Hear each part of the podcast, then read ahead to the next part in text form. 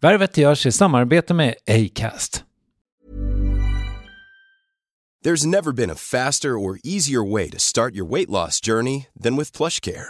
PlushCare accepts most insurance plans and gives you online access to board-certified physicians who can prescribe FDA-approved weight loss medications like Wigovi and Zepbound for those who qualify. Take charge of your health and speak with a board-certified physician about a weight loss plan that's right for you. Get started today at plushcare.com slash weight loss. That's plushcare.com slash weight loss. plushcare.com slash weight loss. Ready to pop the question? The jewelers at BlueNile.com have got sparkle down to a science with beautiful lab-grown diamonds worthy of your most brilliant moments. Their lab-grown diamonds are independently graded and guaranteed identical to natural diamonds, and they're ready to ship to your door. Go to BlueNile.com and use promo code LISTEN to get $50 off your purchase of $500 or more. That's code LISTEN at BlueNile.com for $50 off. BlueNile.com code LISTEN. Life is full of awesome what ifs, and some not so much, like unexpected medical costs. That's why United Healthcare provides Health Protector Guard fixed indemnity insurance plans to supplement your primary plan and help manage out of pocket costs. Learn more at uh1.com. Värvet presenteras i samarbete med Nasonex, utomhusmöjliggöraren, som de inte kallar sig av någon märklig anledning. Men det är i alla fall Sveriges mest köpta antiinflammatoriska nässpray mot allergisk snuva. Och nu kommer ett litet test, så fram med papper och penna du som lyssnar, nu kör vi. Fråga 1. Vill du vara ute mer i naturen? Fråga 2. Sitter du framför en skärm lite för mycket? Fråga 3. Är du allergisk? Om du har svarat ja på någon av frågorna så tycker jag att du ska bege dig till beanoutsider.se. Jag vill för övrigt poängtera att Nasonex nässpray är ett receptfritt läkemedel från 18 år för behandling av symptom vid säsongsbunden och perenn allergisk snuva. Rådfråga läkare om du är eller tror dig vara gravid eller ammar eller om du planerar att skaffa barn, har en obehandlad infektion i näsan, nyligen har genomgått en näsoperation eller har en skada i näsan. Får ingen effekt inom 14 dagar eller om du redan använder läkemedel med kortison ska du kontakta läkare. Använd ej mer än tre månader utan läkarkontakt. Stort tack Nasonex och beanoutsider.se. Åh, ni lyssnar på Värvet.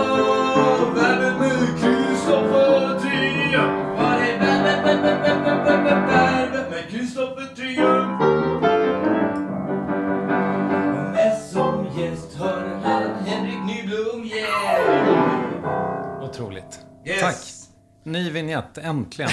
som du har längtat.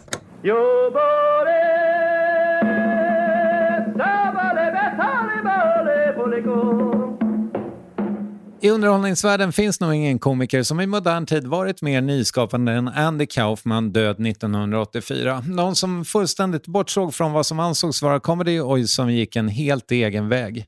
Om en stund ska ett tidigt framträdande med Henrik Nyblom avhandlas. Det när han gick upp på scen och åt sill.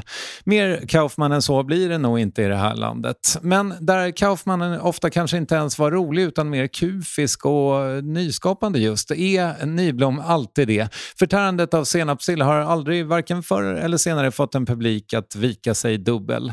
I höst ser du honom troligen i Bäst i test i tv igen och längs vägarna med Magnus Bettner men redan nu Värvet avsnitt 580. Henrik Nyblom. Det här är lite meta, Henrik, men när jag skriver intron till Värvet så hamnar jag väldigt ofta i så här, okej, hur ska jag skriva att den här personen gör massa olika saker? Och då hamnar jag i ord som så här, tusenkonstnär, modern artist har jag sagt väldigt många gånger. Det betyder Oj. egentligen att det är en artist som också gör tv och är influencer. Eh, eh, många järn i elden eh, återkommer jag också till. Eh, nu är ju du lite kanske låst i folks huvuden som komiker, men det känns också som att du är så jäkla lös. Ja, det är verkligen, det stämmer nog bra. Jag är svårt också att definiera mig själv vad jag egentligen är. Allting är väl något sånt här försök på, jag vet inte, slitet uttryck, men liksom så här, fly ifrån mig själv. Samtidigt, för, äh, men bara lust, allting är så här luststyrt att Mm, inte må dåligt liksom. Så då, om uttrycket är liksom att måla eller eh, stå på en scen eller spela musik eller vad som helst. Så länge jag liksom slipper vara i verkligheten på något sätt. Det låter så jävla dumt, men så är det liksom. Jag gillar liksom inte vara i en eh, situation som är liksom mm, innefattar för mycket känslor i sig själv. Alltså, för då hamnar man nästan i att typ så här, allt är meningslöst. Förstår du vad jag menar? Att man kollar på sådana här program som Kosmos och sånt och så inser man, man bara så här, ja, vi är här en mikrosekund i livet och ingenting, allting är konformistiskt, allting är liksom uppstyrt och vi tror att vi är, mm, eh, fyller någon sorts funktion, men det är liksom bara på egentligen. Och istället då känner jag bara så här, men fan, bara följa hjärtat ibland och bara slippa det där. För att annars blir man ju bara deprimerad. jag vet inte fan. Men samtidigt så tänker jag mig att det är väl kanske det som är verkligheten. Jag, jag menar, mina kanske främsta så kreativa rus inom citationstecken. Det blir ja. antingen om jag, om jag sitter här och har något musikprogram eller liksom något projekt i Logic. Ja. Eller att jag står på scen. Ja. När, kanske framförallt impro, det, för då är man så himla lite i huvudet tycker jag. Ja men exakt, då är det, sker det bara per benmärg, liksom impuls. Och då är man i, i liksom nuet och då på något sätt så är man väl som mest levande och då... Verkligen. Verklig. Um, det känns också som att du har ju om du nu har det här lite lösa förhållandet till ditt konstnärskap. Nu, ah. Det lät ju väldigt pretentiöst, men, men eh, vi, vi kanske kan låta det vara. Ah, ja. eh, ser du det som att du har liksom letat dig fram till det här? För I min värld så jobbade du ju mycket bakom kameran också, sådär, innan du klev fram kanske. Ja, men alltså så här, allting... Det här låter ju så skit, men så här, det har ju varit sökande hela tiden. Alltså sen Eh, jag var, jag vet inte, var liten. Och bara hamnade i situationer. Allting, jag tycker att allting känns så jävla kul att göra bara än jag bara får lära mig något nytt och uttrycka mig i det. Så att eh, ena sekunden så, jag vet inte om det är liksom olika skov man hamnar i. Så att ena sekunden så är det väl att typ så här, fan vad roligt det är liksom att göra CGI-effekter. Så gör man någon film i det där liksom mm. Eh, ja men, säg musik och så sen, det eh, kan man snöa in på vad fan, typ så här reggae. så vill man göra en reggae-låt. Det är väl det som är så jävla eh, fördel med att hamna in i komiken till slut. Då kan man rättfärdiga och liksom göra liksom trams. Det finns en flykt ifrån någon sorts, sorts ja men en skitnödighet i det. Alltså, eh, och jag, jag kan älska sådana som är liksom stringenta i sin musik eh, eller så konstnärskap och liksom göra exakt samma sak. Men jag har väldigt svårt för att vara en sån person som bara till så här, okej, okay, nu ska jag bara köra liksom one string guitar och göra 14 skivor och det ska mixas på precis samma sätt. Jag vill liksom bara gå efter dagsformen. Och jag tänker det där att som man är som människa, oavsett vad du är för karaktär, det är alltid du. Och du skulle intervjua mig här och jag var någon annan figur och jag skulle prata liksom så här hela intervjun, så skulle det ändå vara jag. Mm. Alltså vi, vi jagar så jävla mycket just nu, bara så här, vem är den äkta personen? Men så här, fan vem du än är, vad du än spelar för roll, så är det alltid du. Ja, men om äkta är att vara transparent, då kanske man forcerar sig till att vara transparent för att det är äkta just för stunden. Något slags Stjärnorna på slottet-transparens? Exakt, mm. exakt. En filtrerad äktaness. Det är liksom... Stjärnan på slottet är ju, inte för att slänga dem under bussen, men det är ju också spe, alltså så här, det är spelat det med. Det är liksom, de vet ju att det är kameror runt omkring. Det är ingen som är liksom helt transparent och säger bara så här, hallå, vad fan, det är en kamera här. Det här är ju också weird på något sätt. Vi sitter och pratar med mikrofoner med varandra. Det är ju liksom, och jag filtrerar väl mig vad jag ska säga också. Jag ska försöka inte filtrera mig. Nu ska jag vara helt transparent. Nu kör vi. Otroligt. Får jag vara ja. supertransparent och säga... Um, har precis börjat uh, käka en riktig jävla tjottablängare. Eller så hög är den nog inte, för man kan äta 70 milligram och jag äter 30. Men, men av ADHD-medicin, de första timmarna ah. efter att jag har tagit den, då blir min ADHD 65 gånger värre. Fördelen och då kan vi tycka så här, varför tar du den då? Men fördelen är att jag har ADHD mycket längre på dagen. Ja. Istället för att ramla ihop som en liten trasa efter Ja, lunch. ja, men fan. Whatever rocks your boat. Och liksom experimentera med sin kropp och fan allting går att klippa som du känner det liksom i det. Kör på bara. Tack, fan, Henrik. Det där är hur lugnt som helst. Och jag, eh, för jag kom på en sak eh, i ditt svar där, när du Ja. sa att eh, du tittar på ett program om rymden och inser att hur meningslöst allt är. Typ. ja. Så samtidigt så tänker jag, jag har ju alltid tänkt på dig som ett unikum. Alltså, Det tror jag de flesta gör. Alltså att du ändå kommer med någonting nytt till standup-branschen och sådär. Har det varit viktigt för dig att göra någonting eget? Ja, men jag vet eh, inte, alltså... Eller har det varit viktigt för dig att vara unik, kanske jag ska säga bara? Ja, men jag tror nog att eh, det är liksom inget forcerat i att försöka vara unik i det. Jag försöker bara så här, trivas med det på något sätt. Jag minns, eh, jag hade hållit på med stand-up ett tag och jag gjorde jävligt mycket så här weird grejer på scenen och sånt.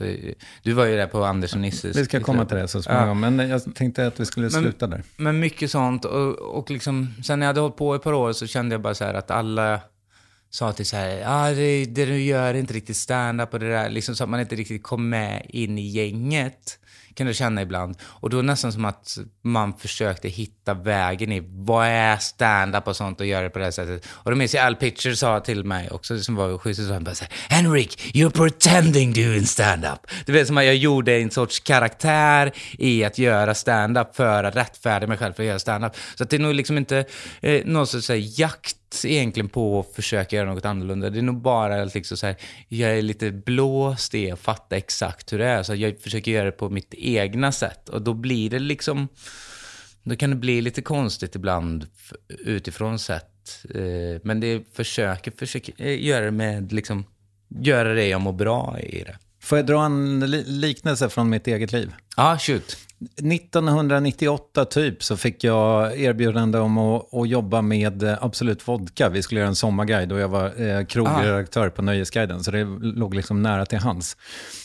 Och då fick jag för första gången kliva in på en reklambyrå och se så här, wow, fan, alla har Prada från topp till tå och alla har liksom senaste Macbooken. Ah. Jag sitter på Nöjesguiden och fakturerar 3 och 5 i månaden i vanliga fall.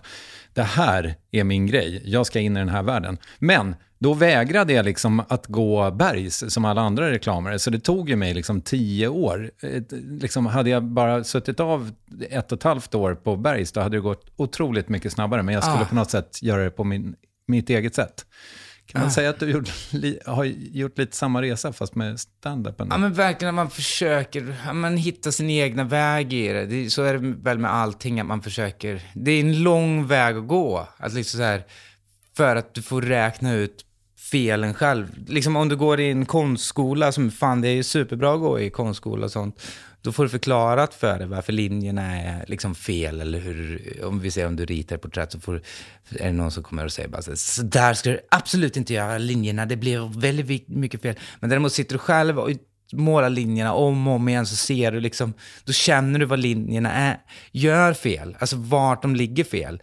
Och till slut så liksom, du tävlar mot dig själv om man kan säga. Eh, på det här sättet. Så att det tar längre tid, men du får öva upp ditt öga, egna öga eller egna, liksom, ditt egna öra om det har med musik att göra. Att liksom, vad, ja, så, här kan det, så känner väl du säkert också när du håller på med musik, att man bara till, man spelar in någonting och så känner man bara så här, fan det här gillar jag ändå, det här soundet, det är något gött med det här. Fast sen så börjar man jämföra med andra, bara så här, oh, vad hade den här personen sagt om den lyssnade på det där? Vad skulle den där tycka? Liksom, man blir jävligt osäker i sig själv, i, i, trots att det bara säger fan det här är något, någonting som jag gillar som är unikt. Men så börjar man bara så här, ja, men vad hade Jocke Åhlund sagt om han hade lyssnat på det här? Han hade säkert tyckt att det är piss. Och så, ja, du vet, så att man, man blir jävligt osäker i sitt skapande på det där. Alltså, men jag vet inte om det där var bra svar i det där, men...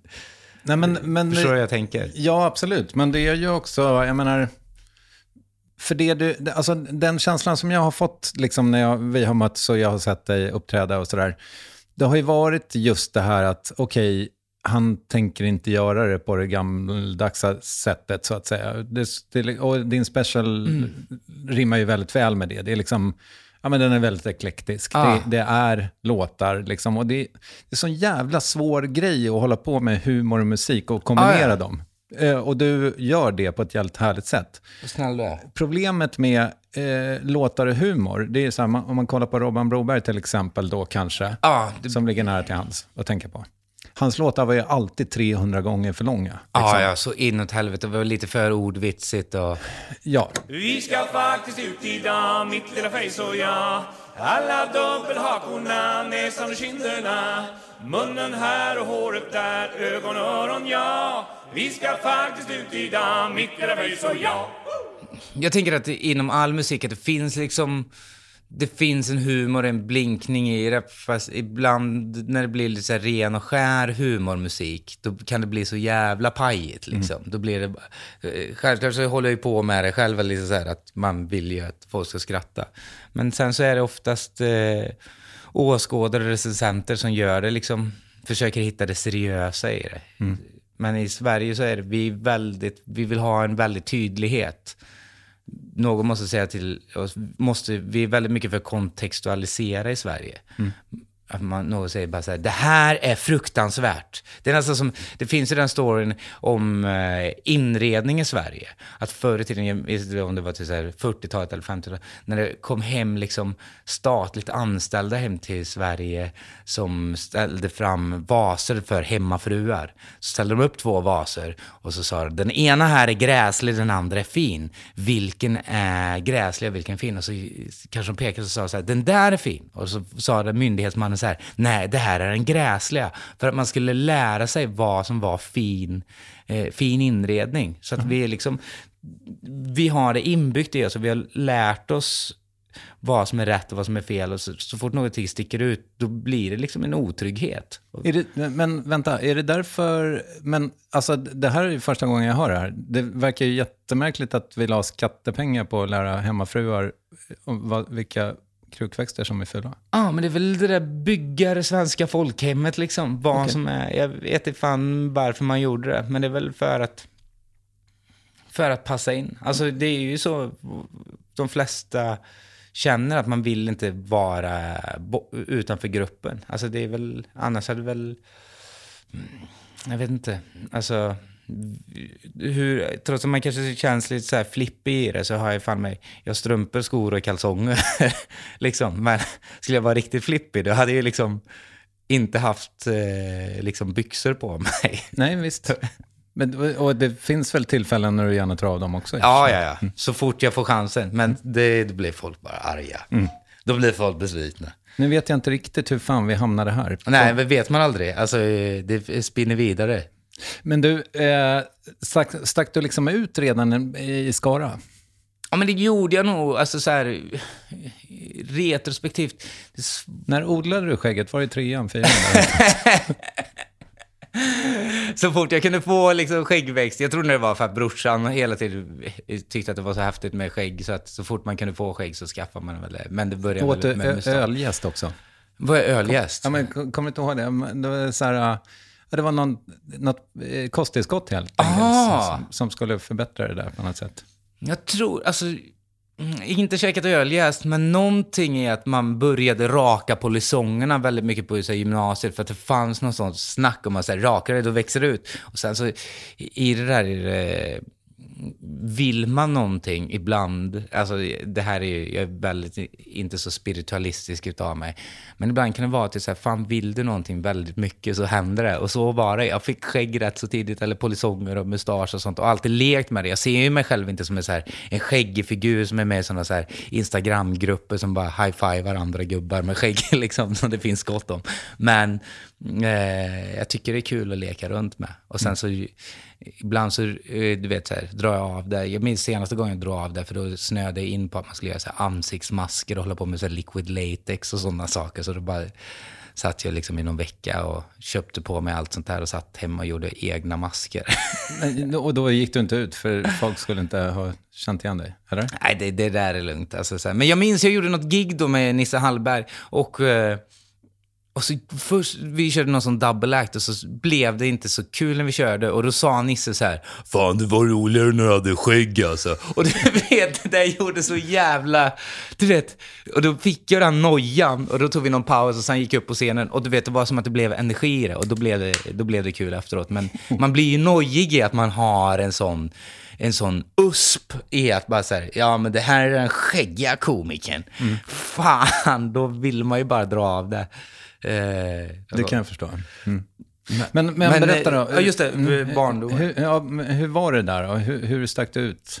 Nej men jag har nog alltid gjort bara så, fan jag har haft lust att göra. Så jag, eh, Eh, jag vet fan, typ så här, fan när jag gick i femman så, du vet, hade, snöade man in på att vara så här syntare bara för att jag köpte Depeche Mods, Den Speaks and Spell. Men då åkte jag till Myrorna, eller det var i Kupan hette det i Skara, och köpte någon sån skinnrock och började måla med svart under ögonen. Och det var väl typ i några veckor man körde det där och sen, sen helt plötsligt med surf. Alltså du vet, allting som bara var suget i det. Så att det blir liksom som att man var liksom schizo redan då. Så att, jag vet inte, eh, återigen, ingen stringent stil, men bara allting som jag kände för. Det var som att jag liksom skådespelade hela tiden. Fast om du skulle prata med de som jag växte upp med, alltså det är ju jag. Alltså det är inte så att de bara säger, ja, ena dagen var han på det här sättet. Det var alltid liksom jaget i det. Det var liksom, jag hade inte liksom, eh, inte nördat ner mig i, liksom hur man skulle bete sig som syntare. Jag tyckte bara att det var gött att ha en sån Gestapo-rock och glida runt i. Men det här är ju ändå liksom, det här är ju typ slutet av 90-talet. Du, du, du måste, eller... Ja, ja, synten var död.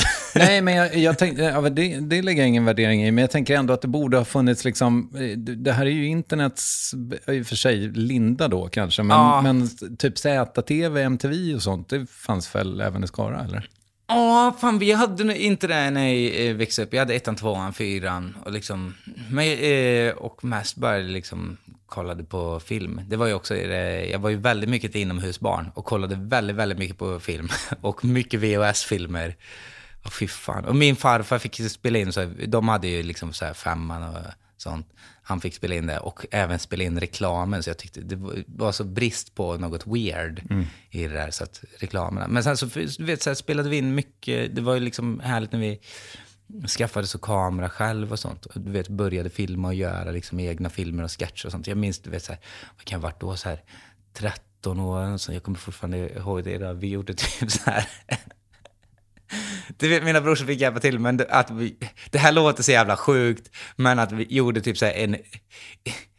Vi gjorde en trailer till en erotisk film då jag hade rollen i. Men, alltså så här trailer bara så här, ah, vill du se mig naken? Och du vet, att jag höll på liksom så, och du vet, sexualisera mig själv. Kanske till och med 12 års ålder liksom. Men eh, som humor, och du vet, vi tyckte att det var så kul att det var klippt att jump-cutta oss dåligt i det där. Och det här var ju innan liksom, man kunde klippa på datorn, så vi satt och klippte i liksom DV-kamerorna. Men Det känns problematiskt att man gör det som 12-åring. oerhört. V- v- v- Hur, varför visste du ens att det fanns erotisk film i 12 års ålder, undrar man ju. Nej, men det var nog bara också magkänsla att man tyckte att det var kul i det där. Jag vet inte, man, vi kollade ju mycket på annan sorts film som gick på tv, så att man fattar väl att det... Men inte så här mycket porr och sånt, det fanns väl inte att eh, tillgodose. Vi, vi var ju fortfarande i den tiden då, eh, då man bara hittar porrtidningar i skogen, som är ett så klassisk Johan Glans-grej. Ja, men det gjorde man ju. Ja, att det låg... Fan vad konstigt att gubbar gick ut och ronkade i skogen då alltså. Ja, men vad skulle de göra? Ah, skulle de så göra? de skulle gå, vara hemma tror jag, eller bara ha det på toaletten eller sånt. Jo, men då upptäcker ju frugan det. Ah. måste väl vara det. Vad gör du inne på toan i tre minuter? inget, inget! Och så ska man, men så ska man gömma den där eh, porrtidningen för sin fru då. Liksom, hon har ju koll på allt. Hon har ju koll överallt. Du kan Ah. inte gömma den liksom i badrummet för där kommer hon städa. Fy, ah, fy fan vad kassa de gubbarna var. Ja, svart, alltså. ja. Jag vet inte exakt hur det går till. Det kanske också, har du tänkt tanken att det kanske var så Nej, det här är en konstig tanke, men att det var så de distribuerades. Att han slängde ut det i skogen först, att Exakt. det var liksom eh, FIB-aktuellt och det bara slängde det i skogen. Ja. Och lockade ut gubbar, att det var typ någon sorts så här statlig grej för att de kände bara så här, fan folk måste komma mer ut i naturen. Hur får vi ut äldre män? Och någon gubbe bara på det mötet bara, ja man slänger ut det porrtidningar i skogen, då kanske man får ut dem. Bara så här, ja det där är fan bra, vi behöver mer. Det är sättet för att förstöra urbaniseringen. Ja, där har vi något. Ja. Eh, Men jag, jag får liksom känslan av så här, för du, det, alltså din mamma återkommer så himla mycket liksom i, ja, men i din stand-up och i ditt liv verkar det som. Ja, ja, alltså hon är ju guld. Det är hon. Och det, bo, liksom båda dina föräldrar förekommer, men, Ja. men det ger mig intrycket av att du kommer från ett väldigt tryggt och kärleksfullt hem. Är det, Ah, är det ja, korrekt? alltså, ja men de är ju, ja men väldigt tryggt och, som du säger, kärleksfullt. Alltså hur goa som helst. Morsan är väl typ så här, eh, vad ska man säga, med humorn, är s- med surrealism och liksom weirdness och sånt. Att så här, hon gick ju med Monty Python-filmer och sånt och bara så här, det här, det här är roligt. Och du vet Peter Sellers och sånt. Köpte, du vet så här, när man åkte iväg på liksom, du vet så här, på eh, eh sommarlov och sånt. Istället för att köpa sig kanske eh, sådana trökiga tidningar, så där Bamse och sånt, så kanske man borde ha fått den i, i den åldern. Men hon köpte liksom Mad-tidningar för att hon själv tyckte att Mad var kul. Och liksom, som, eh, I det konsumering och liksom väldigt, liksom så här, de är konstintresserade och musikintresserade. Och liksom alltid, du vet, trots att jag liksom, jag kanske inte sjunger så bra, liksom är så duktig på mål och sånt, att bara, så här, bara att man gör det är liksom väldigt uppskattning. Det är aldrig att någon, varken morsan eller farsan har sagt till en att bara så här, oh, det där är fult och du sjunger dåligt och du är otajt och liksom sånt. Alltid fan bara uppskattat det det är väldigt tacksam för.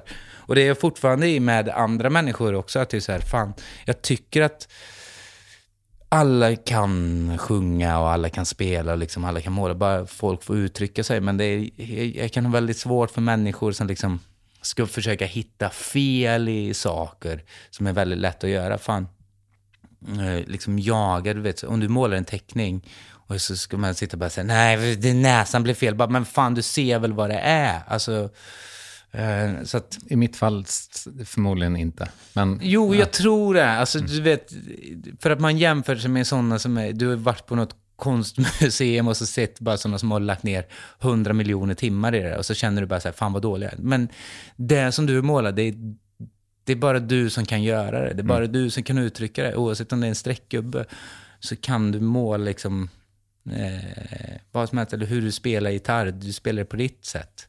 Och ska man säga, nu i AI-tider så kan ju fan AI bygger bara efter det som är liksom det bästa. Så att fan, det sämsta är det nya bästa. Jag vet fan, det är luddigt. men vad blev det förresten av, alltså eh, två frågor igen. Vad, vad blev det av dina bröder och vad, vad jobbade dina föräldrar med? Uh, farsan, gammal eh, tandläkare är han. Uh, alltså eh, på landstinget. Så, eh, ingen så privatklinik eller något sånt. Alltså det är klassiker att säga om eh, farsan att så här, så jag träffade nu när jag var i Ängelholm och var på någon så här second hand-affär och så var det bara så här, är det Mats Nybloms pojk? Bara så ja det är ja, Du måste hälsa till Mats. Han var så snäll. Och det är väldigt fint. Jag tycker, alltså, eh, just den här farsan har alltid varit eh, alltså, snäll och reko. Och liksom, jag minns typ så här, eh, som också vid typ så här, då kanske var så 15-årsåldern skulle göra något gig och så ställdes det giget in, då spelade jag i band och så ställdes det in och så skrev de i utskicket på här, Henrik kommer inte spela på giget för att han har fått jobb och då hade jag fått något sommarjobb och då blev jag så jävla sur att de skulle göra ner mig. Och du vet, skrev ett långt mejl och du vet, min farsa bara så här, är det ens värt att ta den här konflikten? Det, här, du kommer, det blir bara bråk. Strunta i det. Så det är väldigt fint i det där att han liksom inte handlar i affekt. Det är, Impulskontroll. ja. Men det, har du ärvt den verkligen? Men ibland så tänker jag på honom att man bara skulle vara bättre. Så att världens snällaste och gulligaste liksom alltid hjälpt till med allt. Och morsan är gammal, alltså så här, sjuksköterska, jobbat liksom så här, eh, med eh, på jourcentral och liksom eh, hemtjänst och sånt med, väl, distriktssköterska och allt sånt och liksom också väldigt omsorgsfull och glad. Liksom väldigt fin. Och brorsa, äldsta brorsan ingenjör och andra brorsan jobbar på Jula nu som någon sorts chef, mellanchef eller vad det nu är. Så att ena brorsan stack ifrån stan, den andra är kvar i stan. Men också, de är eh, också bra kompisar liksom. Hur var Skara att växa upp i då, på 90-talet typ? Men det var, alltså, det är så svårt.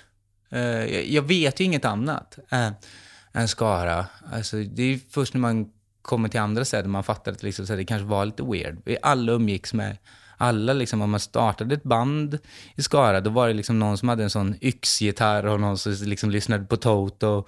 Det, återigen, det fanns ingen stringens och liksom alla samhällsklasser var ju liksom det var ingen som var typ såhär, det det där är de rika, det där är de fattiga. Liksom, alla var bara tillsammans och så var det liksom hur du var som personlighet. Så att, Jag, förlåt, men det där tror jag är en småstadsgrej. För jag var jätte...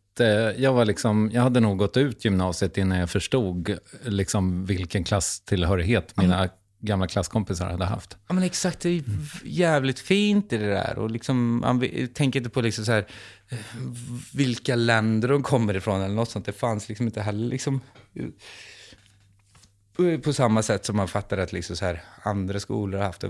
Liksom, det fanns inte liksom, kanske supermycket att göra i Skara, att det liksom inte finns badplats och liksom... Eh, så, men fan, jag, jag har fortfarande asmycket kompisar kvar ifrån Skara. Liksom. Alltså, så här, varje år åker vi liksom till Italien med så här kompisgäng och då är vi liksom så här 20 pers, mer eller mindre. Så att, fan, eh, de... Det som är väldigt skönt eh, med Skara, så jag tycker det är liksom så här, superkraften där är liksom att man ska ha sköj. Det är liksom den grejen att man bara ska ha roligt med varandra. Liksom, det spelar liksom ingen roll vad du har för liksom så här, vad du jobbar med eller liksom hur du ser ut eller liksom vart du kommer ifrån. Bara liksom så här, fan är du rolig och liksom schysst att umgås med så är det liksom styrkan. Och det tycker jag är väldigt eh, fint med Skara, att det liksom bygger väldigt mycket på hur du är som person. Så att alla får liksom vara med på något sätt. Men var du, var du rolig tidigt? Ja, men det är nog svårt att säga för att alla i Skara är ju skoj. Jag vet eh, jag har ju alltid sett, jag har ju alltid eh, fuskat mig runt genom att eh, använda mig av humorn kanske. Liksom så här, att det är ju ett sätt att slarva, är ju liksom att sköja till det istället. Det är ju enklare att göra en sköjelåt, för då kan man vara lite rough around the edges, jämfört med att typ så här, ska du göra liksom eh, en eh, sonat, så finns det liksom regler. Men det är väl det som är friheten med liksom, att tramsa, är ju att du kan liksom Ja, men du kan göra det på ditt egna sätt. Liksom. Ja, eh, det där, jag är lite nyfiken på det. eh, Men, men var liksom humor och musik, var det fort, alltså vad, skulle, redan från början skulle de två förenas i din värld? Mm,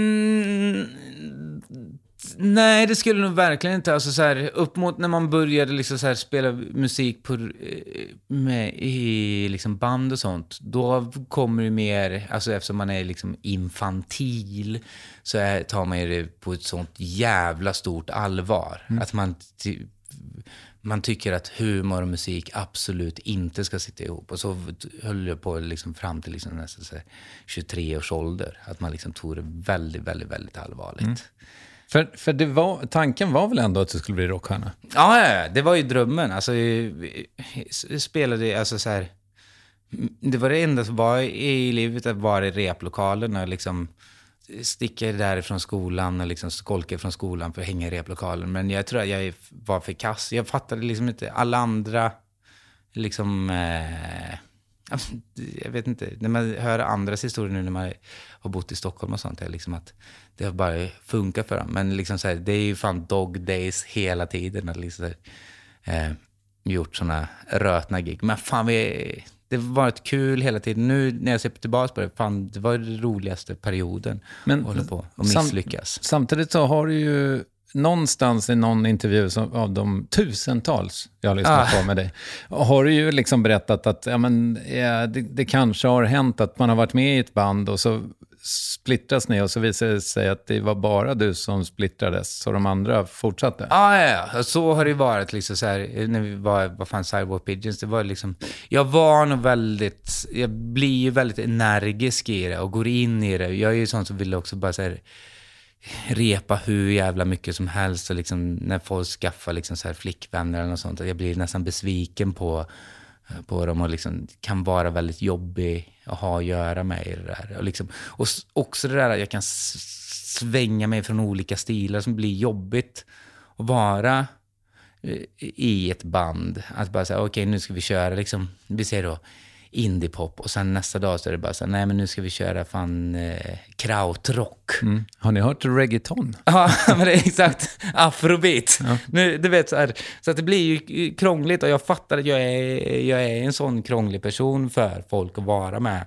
Då, att liksom, det, folk säger att det kan vara jobbigt att hänga med i liksom, tempot i det. Att jag kan tycka ena saken ena dagen och sen, du vet, eh, överger väldigt snabbt. Och det blir, det blir krångligt för folk i ens närhet då, när man är på det här sättet. Så att eh, vara med ja, så var det liksom, fan, när vi bodde i London så spelade vi i band där med. Eh, och då var det liksom, eh, till en början när vi startade det här bandet, då var det väldigt mycket så här, då var jag inne på väldigt mycket att man skulle ha mask på sig, vi skulle inte synas på scen. Då var det liksom så här, första till så här, 30 giggen, då vägrade vi visa ansiktet.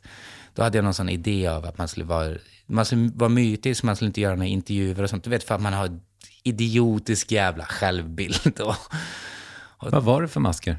Ja, Jag hade byggt masker själv, du vet med så här gips och du vet, gjorde så här, väldigt mycket så här Venetian, du vet med långa näsor, lite så Knife-aktigt, du vet så här. Men det var väldigt mycket att det skulle vara så här, ja, men jag kan fortfarande gilla det, de udda maskerna liksom, sen är det något så jävligt läskigt i det.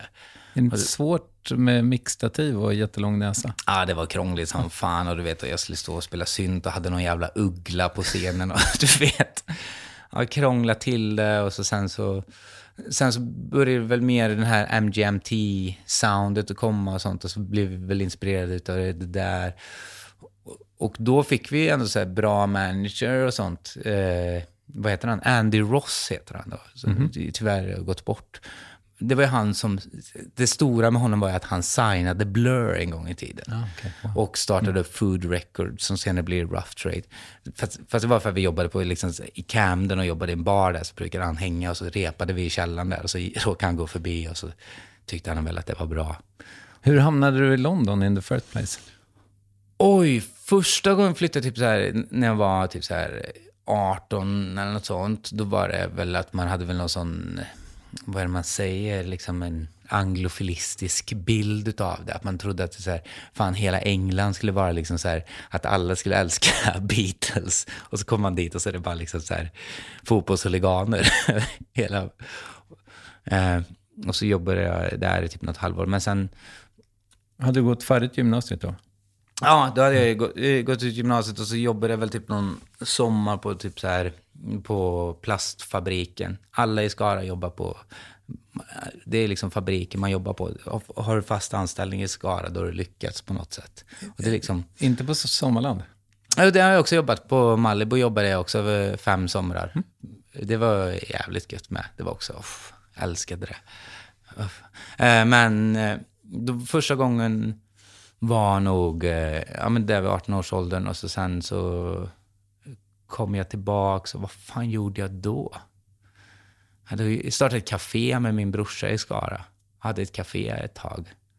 Ett café när som, för att det var öppet lite när som. Det var också dumt att ha ett nischat café. Det skulle vara så här lite rock'n'roll-café. Man skulle ju kanske mer ha det brett, men det var också någon sommar där. Och så sen... Det gick inget vidare då eller?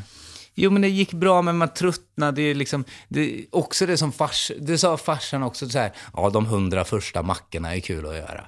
Och jag borde lyssna på honom, men det är verkligen så. De hundra första mackorna. Sen så är det liksom ett fängelse där med, vara kvar.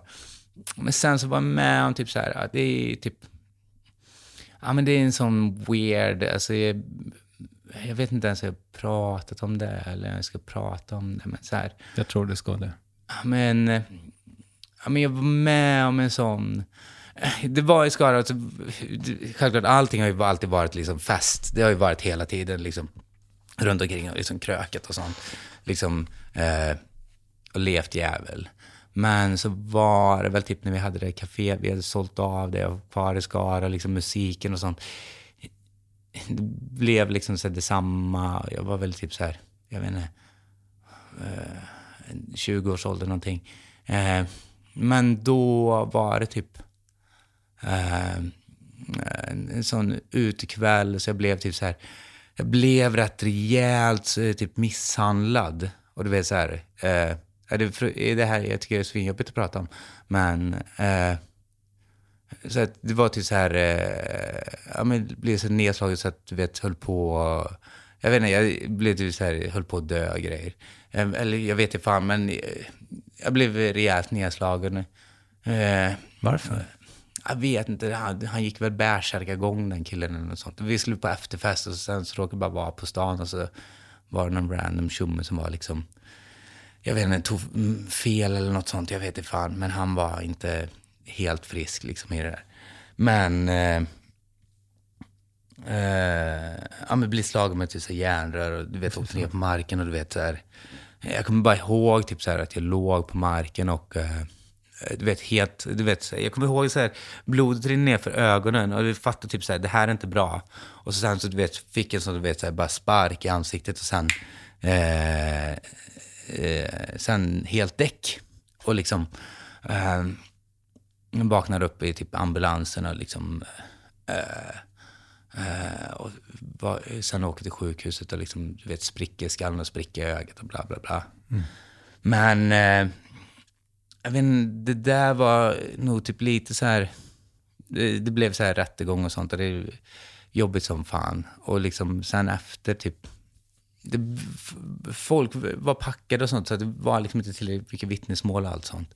Så att eh, typ efter rättegången så vet jag såg näst, den killen ute på stan och det blir en jävligt fy, äh, psykisk eh, påfrestning i det där. Alltså du vet så här, jag, jag har aldrig varit lite så här, och inte idag, nu är det så här, fan jag ser våld på tv och så, så är det skitsamma, liksom så här, allt sånt. Men just under den perioden jag var jag så jävla skräckslagen och orolig för allting och liksom, liksom skakig och liksom förstörd. Och då kände jag typ så här, jag måste liksom eh, dra. Jag, då flyttade jag till London liksom, för jag kände att liksom, jag behövde liksom eh, clean slata mig själv och liksom, ja men vad ska man säga, alltså så här, att man fick liksom eh, dö för att leva. Liksom, det blev väldigt mycket att, eh, eh, jag tror att det där var en sån viktig milstolpe i mig själv. I att våga bara, så här, bara skita i saker med. Bara säga, ja men fan, gör det här livet är så jävla kort ändå. Liksom så här, fan nu har jag dött en gång, så nu kan jag leva. Typ så. Men det, jag vet inte. Ja, det är en väldigt konstig period där. Men det, det har jag inte pratat om innan. Och honom såg du liksom, har du sett honom när du har varit tillbaka till stan och sådär? Nej, och så här, det är väl lite det där som man håller sig undan i det där. Men jag vet inte fan. Jag är ju inte så sugen på att liksom söka upp det där. Men det är också så fint. utav- Det är också så här morsan som var fin i det där. När det blir, trots att liksom så här, han gjorde det där. Så morsan bara, så här, ja, man vet ju inte vad han har i sin ryggsäck. Det är det som är väldigt fint att bara säga, ja, han kanske, jag vet inte liksom med honom, det fan, kanske något fruktansvärt som hänt i hans liv, varför han eh, gjorde så mot mig och så var det bara liksom en slump som gjorde att det blev sliding doors och det hände med mitt liv på grund av det där. Så att, jag vet inte, man kanske ska tacka honom. Nej, jag vet inte fan, det är väldigt weird det där. Jag, vet inte, jag kan inte gå runt och liksom vara bitter på en sån sak. Eller liksom så här, känna liksom så här, en ilska i, i det där. Men det är ju tråkigt att det händer. Och liksom, för mig kanske det var en bra grej. Jag vet inte. Mm. I don't know. Liksom, om det inte hade hänt. Man kan inte gå tillbaka och tänka för mycket så. Liksom. Allting kanske har någon sorts eh, mening utan att bara låta som en fri religiös pastor i det där. Men det där förändrade väldigt mycket i det där. Och då stack jag iväg helt själv till London och liksom startade band med sådana som jag inte kände och sånt. Du satte upp en lapp, typ, på någon musikaffär eller? Nej. Nej, jag flyttade Flyttade till London. Jag, alltså jag hade en kompis då, Dan, som eller kände när jag bodde där när jag var liksom i 18-årsåldern. Då kände jag att ja, men jag, jag behöver sticka härifrån. Och så pratade jag lite med honom på liksom så här, eh, Messenger eller något sånt. Och så så han sa, yeah we got a room here mate, if you wanna come. Och bara så här, fan, ja men jag drar. Dra nu. Och så bara eh, var det till så här, yeah but we don't have the room until typ så här, until one month eller two month. Men då liksom, eh, bodde jag typ i så här ockuperat hus först och sådana så här, goa italienska gubbar som, det enda de gjorde, det, de var väl typ så här 40 årsåldern och bodde ett stort jävla hus i Kläppen kommer. Men de, deras eh, hobby var bara att röka gräs hela tiden. De var goa som fan. Men, eh, så att, då bodde jag i ockuperat hus där ett tag. Men, men när du då... Alltså, vad, eh, hade du en tanke liksom om vad livet skulle innehålla eh, fram till den där misshandeln? Och sen att du bytte du riktning? Var det så det var? Ja, men det var, jag kommer ihåg att typ så här, då, eh, jag hade liksom så här spelat in lite så här musik hemma och så var det den personen jag skulle till, skulle på, så jag skulle på efterfest hos, som skulle liksom så här producera lite av musiken. Liksom, eh, jag hade någon idé av att spela in musik och göra en ny skiva i, liksom så här, i Sverige och liksom ge det en chans där. Och hade något sånt sound och var väldigt seriös i det där. Solo? Ja, och du vet, hade lärt mig liksom Logic och Fruity Loops och allt sånt. Och satt och höll på liksom, och hade blivit manisk i det där. Men sen så när det här hände så blev det liksom så här, ah, jag vet inte, jag kanske blev snällare efter det med.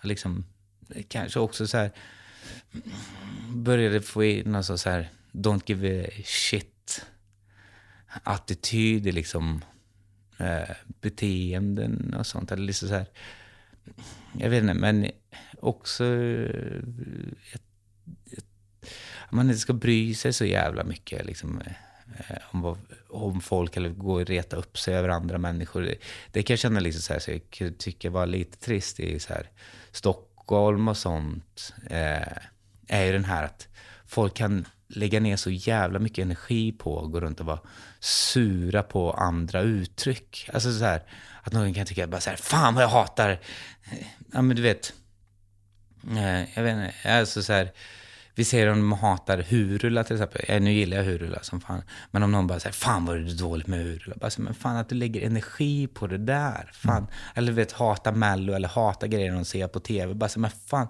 sluta konsumera det du inte tycker om. Men det är väldigt lätt att konsumera någonting man ogillar. För då får du en bekräftelse själv. Men fan, konsumera saker du älskar så liksom, mår du bra. Liksom, så här, lägg inte tid på jag hatar saker. Det är liksom bara destruktivt. För Man behöver kanske inte ge dig näring, nej. Nej, verkligen. Men folk gör gärna det. Att de, mm, det mår ju folk bra utav. Liksom gå runt och hata. Och liksom, jag kan tycka, alltså så här, ur komiskt syfte, liksom så här, eh, sköje-grejen, så är det ju gött att hitta saker och liksom hata för att liksom, eh, bara för skojs skull. Men sen de riktiga känslorna är ju att man bryr sig inte. Alltså så här, det är ju liksom en komisk take på det. Liksom hata, liksom, eh, hata köer. Men fan, köer fyller sin funktion med. Men nu är jag kanske eventuellt lite vilse i kronologin här, men jag Mm. tänker att det kanske inte spelar så jättestor roll. Men när du då är i London och får den här eh, Andy Bell, som han Andy. inte hette. Ja, Eh, Vad hette han? Andrew Ross. Ja, okej. Eh, vad är det som gör att det inte flyger sen då? Men musiken, ja men det gick bra som fan. Alltså, det, alltså nu låter det som så jävla skit, men det gick bra och allt sånt och det var kul. Vad hette bandet? Pippa Marias hette det.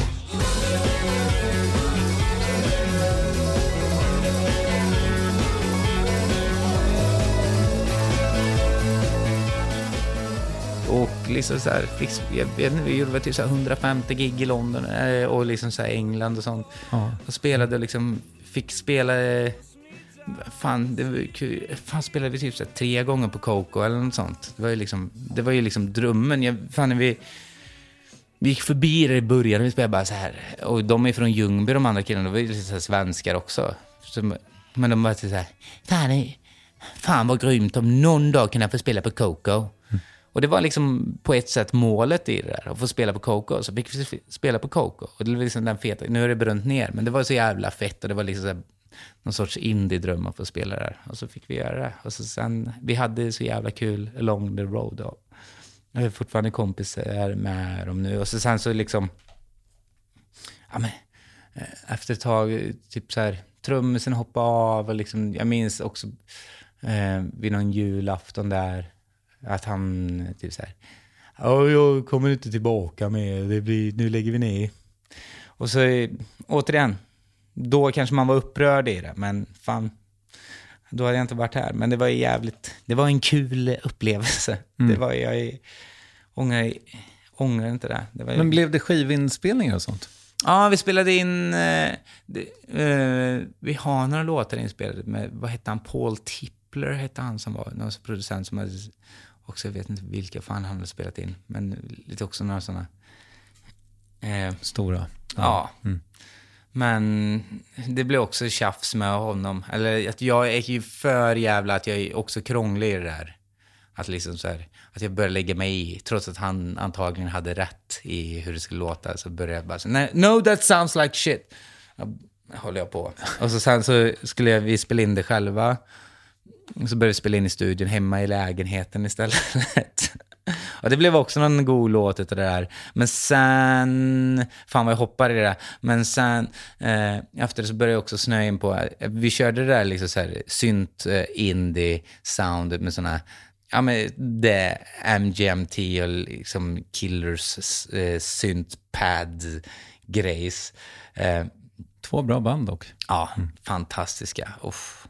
Men eh, eh, spelar spelade in där och så, sen i lägenheten så började jag in på att bara så här, gitarristen Robban, han sa så här, ja, jag kan ju spela saxofon. Och jag bara så här, fan kan du spela saxofon? Det är klart vi ska göra lite så här Dexys Midnight Runners-sound över allting.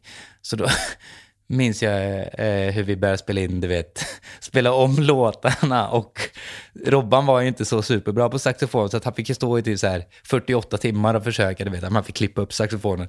Och du vet, jag minns hur Andy kom och lyssnade på musiken bara What the fuck is this? It sounds horrible! Men, du vet att han tyckte att det var så jävla dåligt det vi hade gjort. Men att jag, ja, jag hade väl någon sån fix idé att det skulle vara så här pubrockigt och lite i den stilen. Men... Och så sen också, jag var ju också krånglig att under tiden vi höll på att spela in där så tyckte jag också att så här, fan ni lägger inte ner tillräckligt mycket tid så jag startade ett eget soloprojekt under tiden jag hade bandet så då satt jag och började spela in egna låtar under tiden med, ja, för att jag är dum i huvudet. Jag vet inte fan. Blev det bra? Nej, Jag vet inte. Det är, ibland så är det bara liksom mani i det där. Eh, att det, inte, jakten på uttryck. Jag vet inte fan om det... Jag, det är så svårt att säga vad som är bra och vad som är dåligt. Ibland så kan man bara så här, bra grejer kan också bara handla om liksom hur mycket tid du lägger i någonting. Att det är ju vad människan blir nästan imponerad över. Liksom när vi ser en sån dans så ser vi som åskådare bara wow, vilken tid det här lagts ner. Eller när man ser någon sån japansk snidare på TikTok bara eh, skär upp en gurka helt perfekt. Så är det bara wow, fan vad bra det är. Men det som vi nog känner som åskådare är bara wow, tiden. Den här har lagt tid på det. Så, att, eh, ja, så är det inom allt. Alltså liksom, vi är imponerade över tid. Vad folk, allt, allting inom konst och skapande handlar ju liksom om uppoffring. Att när man ser någon då har eh, gjort en sån gurksnidning känner man bara så här, okej, den här personen har negligerat hela sin familj och sin släkt för att stå och skära en gurka. Pappa, det är mat! Nej, pappa måste vara här i källaren och skära gurka. Så att det är ju liksom det är vad man väljer att kunna fokusera på. Och sen eftersom jag är så jävla slarvputte och liksom eh, många tankar överallt samtidigt. Vad det nu är för diagnos som jag inte kommer kolla upp. Jag vet inte fan. Det är nog många blandade grejer där i. Men vi får se. Det- det- Stalltipset känns, men det kanske är för att jag just fick den diagnosen, men Ja. stalltipset är väl ändå ADHD i ditt fall. Ja, det finns nog en stor risk. Men fan, det där har jag funderat på. Du vet så här, i dagens eh, samhälle, Ja. det här, nu vet jag fan hur mycket du funderat på det här. Dagens samhälle så är det neuropsykiatrisk sjukdom. Eh, Där är- säger man ju då att det är en sjukdom. Men har det alltid varit en sjukdom? Är det verkligen en defekt? Det är det jag funderar på. Alltså så här, eller är det för att samhället är byggt för att det ska vara en defekt? Så att det är en tydlig defekt. För att jag tänker att eh, jag har flyttat ut till ett hus ute i ingenstans nu, där det är bara massa problem överallt. Men i problemen så mår jag bra, för jag går upp på morgonen och måste lösa det. Jag måste vet, så här, fixa med jävla rören eller få igång värmen, gå ut i trädgården och liksom plantera blommor och liksom se så att allting fungerar. Och då är det liksom problemlösning och då, då går jag upp på morgonen och har någonting att göra, så går jag och lägger mig och så är jag trött. Men däremot, om du flyttar till exempel till en till ett sån jävla, eh, nästan sånt, helt nybyggt hus där liksom elen funkar perfekt. Du vet, du har grusad uppfart, det är inga blommor att ta hand om, det är elladdstolpe utanför, du bara kopplar in din bil. Din bil fungerar, det är backsensor och allting. Liksom, värmen är perfekt, All, du har värme på golvet, sängarna, det är liksom ingenting som liksom, du känner att du behöver hjälpa till som människa. Klart som fan att man mår dåligt då. Och liksom en jävla ångest bara säga, ah, nej, här sitter jag och skaffar 72-tums tv. Och på tvn så är det till så här, det är en scen och det är en film och så är det ett par som sitter, en kvinna och en man, och så har de bråkat. Och så, för att vi ska veta att de är ledsna så spelas det sorglig musik. Och sen så, vi ska förstå det ännu mer, så regnar det. Och sen så säger de så här, jag är väldigt ledsen just nu. Och då är det bara så här, ah, jag känner mig lite ledsen. Bara säga ja, för att du får allting serverat till dig. Och du, får, du- tar bort din funktion som människa. Liksom, klart som fan då att ADHD blir en neuropsykiatrisk sjukdom, att det blir defekt. För att du känner bara så här, okej, den här, nu, nu har jag någonting så gör, jag måste uttrycka mig hela tiden. Men jag får aldrig användning för det. Så att man bara sitter och skakar och bara så här, fuck, jag vill bara ta livet av mig. Jag har en eh, annan teori om det där och det är ju att när jag växte upp och Ja. även, även du, då fick man liksom 23 intryck på en dag. Ja, Eh, nu får liksom min son 302 000 intryck innan frukost. ja, ja. Och det är väl klart som fan att det är mycket, mycket lättare. Alltså jag menar, om, när du beskriver ditt liv på landet där, då är det liksom rör, det är Ja. värme, det är liksom basala be behov som måste lösas. Liksom. Kanske åka och handla mat eller något. Liksom. Men det är väldigt basalt, det är väldigt enkelt. Det är liksom, och där, om jag, om jag strippar bort alla skärmar och sånt, då kommer inte jag märka av min ADHD. Jag äter ju medicin för att fortsätta klara av att ha 302 000 intryck i sekunden. Liksom.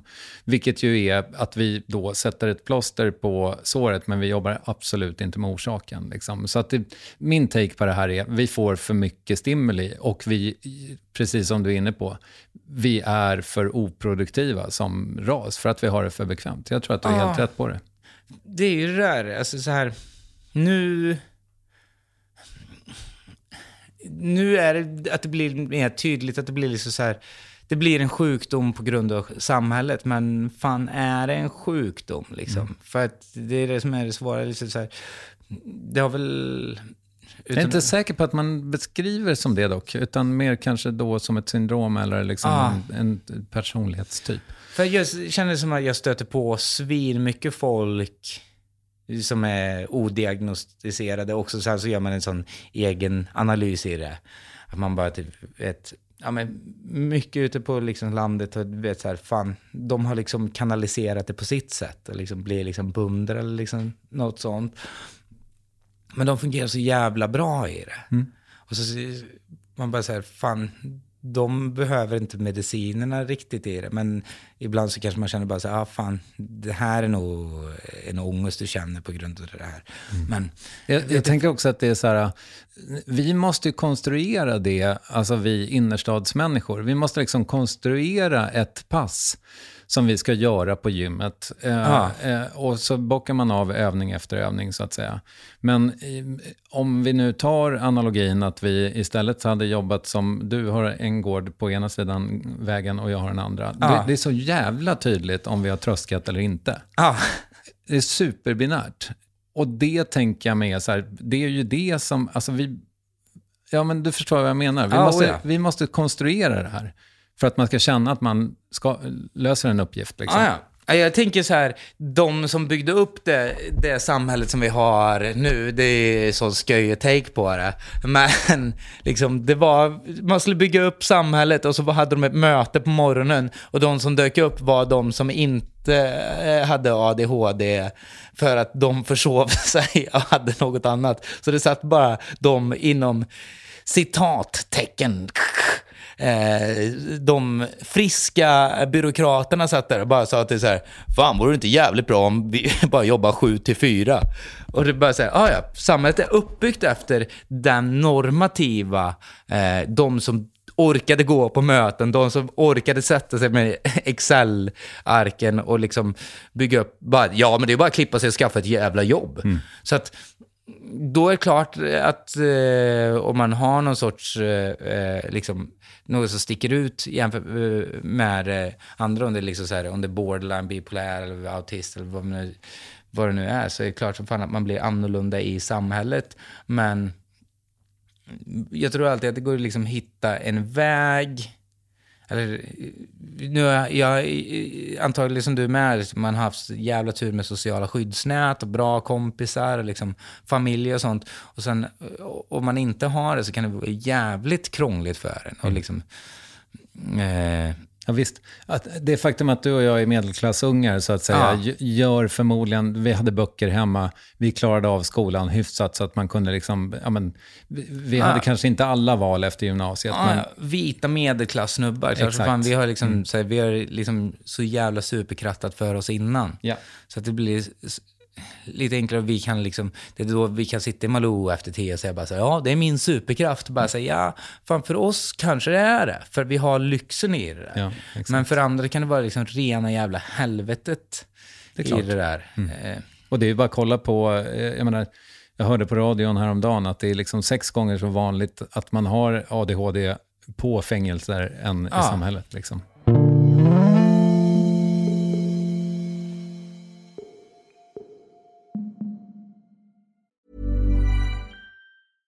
Hey, I'm Ryan Reynolds. At Mint Mobile, we like to do the opposite of what Big Wireless does. They charge you a lot, we charge you a little. So naturally, when they announced they'd be raising their prices due to inflation, we decided to deflate our prices due to not hating you. That's right. We're cutting the price of Mint Unlimited from $30 a month to just $15 a month. Give it a try at mintmobile.com slash switch. $45 upfront for three months plus taxes and fees. Promo rate for new customers for limited time. Unlimited more than 40 gigabytes per month. Slows. Full terms at mintmobile.com. Planning for your next trip?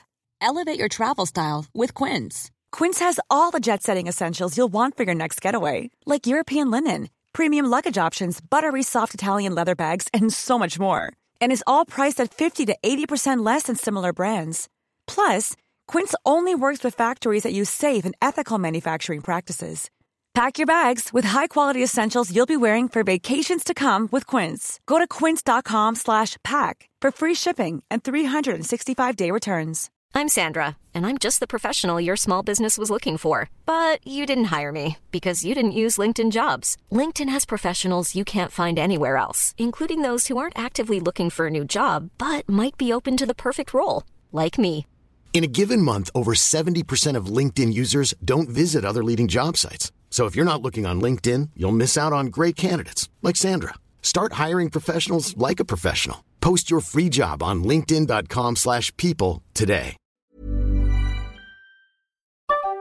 Yes, ny sponsor. Värvet presenteras i samarbete med Svea Bank. Och jag menar inte att ta ner stämningen, men dessvärre är ju lågkonjunkturen här, vilket innebär att de flesta branscher har det tufft och också väldigt många privatpersoner. Jag vet själv vad det är att ha en trasslig privatekonomi. Det var struligt i många år för mig och låg ofta post i hallen med trista logotyper i ena hörnet och jag hade också i flera års tid ett helt gäng betalningsanmärkningar. Och tyvärr är det nog många som har det svårt att få ihop till räkningarna just nu, som har hamnat i ekonomiskt trubbel. Och det är här Svea Bank kan kliva in med något som kallas skuldfinansiering. Där löser de skulder hos inkasso och till Kronofogden och till och med om Kronofogden vill sälja ditt boende har Svea Bank möjlighet att hjälpa till. I den här tjänsten får du en personlig handläggare som gör en grundlig genomgång av din ekonomiska situation. De tar kontakt med dina kreditgivare och när ett lån beviljats löser de dina skulder åt dig och samla dem i ett enda lån med en avbetalningsplan som din ekonomi klarar av. För om du har hamnat i klister, du är inte ensam och kanske kan det här hjälpa dig. På svea.com skuldfinans kan du läsa mer. Tack Sveabank! Men du, ehm, nu ska vi se. Vi, nu har vi pratat i en och en halv timme och vi har fortfarande liksom... Det, det, vi har så mycket kvar helt enkelt. Men, men då, att komma... Eh, flyttar du hem till Skara efter London? Vi måste komma Flytta, imorgon med det. flytta hem till Skara och eh, fick jobb på Citygross i Skara. Tänk dig det att man har stått och dratt ladd ifrån folks erigerade penisar eh, och har liksom fått testa allting upp och ner och hallucinogent och eh, det vita guldet och det bruna guldet eh, och allt sånt. Och sen så kommer man tillbaks till att sitta i kassa på Citygross och liksom få flytta hem till morsan och farsan. Eh, och bo på landet. De bor på, uh, bodde på landet och flyttat ut ifrån Skara. Uh, så att man fick cykla till bussen. Och uh, du vet, då söp jag ju rätt mycket, eller du vet, så här, satt och krökade hemma liksom för att stå ut liksom. Det, nu fattar man väl att man kanske hade lite issues med det där. Men du vet att man blir så spritfet och du vet för att göra någon sån motvalls i det där. Jag, du vet, jag kan bli så här, bara så här, nej nu ska jag fan fula ner mig totalt. Så jag klippte riktigt sån så här Gustav Vasa-frisyr, gick upp i vikt som fan och satt, du vet, med den, du vet, blåa citygrossklädseln. Jag hade jävligt kul och alla var asgoa. Det var tramsigt som fan att jobba på Citygross och sitta och med, ringa med högtalartelefon och sådana saker. Men du vet att man stöter på sådana gamla klasskamrater och bara säger, ja fan du flyttade till London, eh, du, du spelar musik där va? Ja, ja, det gick rätt bra för er väl eller? Och man bara typ så här, ja men du ser liksom, man kommer tillbaka till så här slagen hjälte på något sätt. Liksom, mm, att eh, man skulle iväg och liksom reach for the stars. Och du vet, ena sekunden stod man rökte gräs med MIA och så sen så sitter man och slår in ekologisk lök eh, och bor hemma hos morsan och farsan. Det, Kan jättemånga PLU. Ja. Allting med 9 är ekologiskt som börjar 94, vad är det, 90404. Eh, ekologiska bananer, tror jag det fortfarande är. Ja. Härligt. Ja. Och, och flytten till Stockholm då? Men det var då... Eh, jag jobbade en sommar på Citygross och liksom sparade ihop pengarna. Eh, och så sen så flyttade jag upp till Östbergahöjden tillsammans med min kompis Koffe. Som, han kom och spelade... Han flyttade senare till London och spelade eh, kongas alltså och bongotrummor med bandet när det liksom... Eh, efter, efter några år. Ehm, så kom han dit och bodde ett tag med oss och spelade. Sen så, han hade jobbat då på Norra Brunn. Men så flyttade jag upp till Stockholm tillsammans med honom och en polare som heter Falken. Så bodde vi i något sorts litet kollektiv i Östbergahöjden. Och då började jag jobba, då var jag också arbetslös, men då fick jag jobb via en kompis som så här, eh, jobba som byggarbetare. Och här, jag har aldrig jobbat som byggarbetare innan eller något sånt. Men jag skulle riva något jävla Eh, vad var det, något rum? Eh, någon toalett. Fick jag jobba med någon estnisk byggfirma där. Ja, det var ju också en upplevelse i sig. Hade du liksom, ville du tillbaka till musiken då? Höll du på med den Ah, ja, parallellt? Mm. alltså jag hade, jag, det var det enda jag också höll på med. Jag köpte ju bara massa så här musikprylar och liksom försökte bygga. Hela tiden har det varit så trial and error för att till slut så blir man ju bara själv och försöker hitta liksom olika vägar hur man ska kunna göra livespelningar. få göra det själv och liksom spela musik och spela in och höll på hela tiden. Var det då du blev duktig på det här med att loopa grejer och så? Ja, det var nog i, i, nästan under den perioden. Men det var väldigt mycket att jag byggde för att kunna göra allting själv. Mm. Och liksom, då var det mer att jag satt via Logic och försökte göra liksom... Hade liksom inte räknat ut det än. Men väldigt mycket så att man byggde ihop olika syntar och liksom försökte räkna ut det. Det är fortfarande i en förvirringsstadie för att man fattar liksom inte det. Och liksom återigen så, eh, det där med att hade man haft en lärare som hade sagt till mig, man hitta, försökte hitta sin egna väg i det. Mm. Det blev väl krångligt. Och från svartjobb då på Strandvägen och riva Jajamensan. badrum till att faktiskt börja jobba i, i mediasvängen?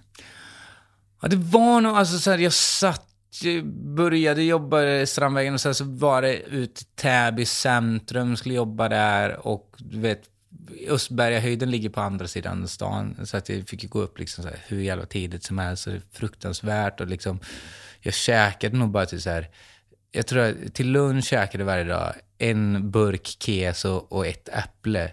Så jag vägde var typ så här 57 kilo eller något sånt jag är typ 1,78. Så det var ju liksom så här skinn och ben. För det var lite så här att jag hade varit lite så här spritfet när jag flyttade upp och liksom hade lite issues med det där. Så att liksom så här, eh, så jag käkade äpple och keso och sen minns jag till kvälls måste jag käka bara så här, någon, så här, någon jävla broccolisoppa liksom. Och du vet, liksom jag vet inte om man så så här, bestraffar sig själv för att, liksom så här, för att man är en sån jävla fuck up. Liksom så här, du vet, något så maniskt. Bara, också så här, trycka in kroppen i bara så här, fan du ska liksom purify yourself. Jag vet inte fan, men det är något så här, för att må bra i skallen så försöker man bara trycka ner sig själv. Man är liksom ondskefull mot sig själv, något sorts självhat. Jag vet inte fan. Men det, var, det låter som anorexi helt enkelt. Ja, men det kanske är något sånt, men det är... Vet inte fan, men det kanske det också var. Jag vet inte fan, men det är liksom... Man krånglar med sig själv och sånt där. Eh, och liksom... Jag minns hur jag, du vet, så här, åkte hem ifrån Täby centrum och jobbat där i några månader. Du vet, satt och så här... Jag var så jävla dålig. Är så fruktansvärt dålig på att göra allting. Alla var så jävla duktiga. Och de, liksom, jag blev liksom så här laughing stock på något sätt. Och det var liksom så här, lite, eh, så här, mm, du vet, lite så här politiska issues med vad, när man diskuterade. Liksom så här, några så så här, du vet, man står och diskuterar med sådana som förnekar förintelsen och sådana, när man jobbar. Liksom, och det är liksom frustrerande i det där. Ja, fan, om man försöker liksom, när det blir för många som går emot en, är att då blir man själv idioten i det. Bara så här, hur fan kan du tro på det där? Eller det är helt omöjligt. Man bara så här, men fan. Oh. Man blev frustrerad och du vet, åkte hem på den här bussen hela tiden och satt och fan fucking grät. Eh, eh, grät hela tiden på bussen hem. Eh, och kommer liksom till Östbergahöjden, huset, eh, i lägenheten där. Eh, och du vet, super failure liksom. Och här är jag väl typ så här 25, något sånt. Eh, men då var det då Koffe som eh, jag jobbar med, som jobbade på Norra Brunn, som eh, berättade till så här, ja men det är en som slutar nu i garderoben på Norra Brunn. Bara så här, fan ska du inte börja jobba där då? För du mår ju inte bra. Man bara så här, ah, fan jag vet inte, du vet man vill gå sin egna väg och hålla på och krångla och man bara till så här, men fan, ja men nu har jag det här jobbet, bara så här, fan det där är bara deltid på Norra Brunn. Och så sen uh, hoppade jag in på Norra Brunn för att testa en gång. Och du vet, det var ju så jävla mysigt att liksom så här, fan få kolla på stand-up och liksom hänga i en jacka var ju liksom inte, det här var ju inte så krångligt. Och sen så hade jag ju stått i baren, så bara så här, fan vill inte testa att stå i baren också. Så att, Mm, då var det som tur var en eh, som jobbade i baren, där, Mikaela, som slutade.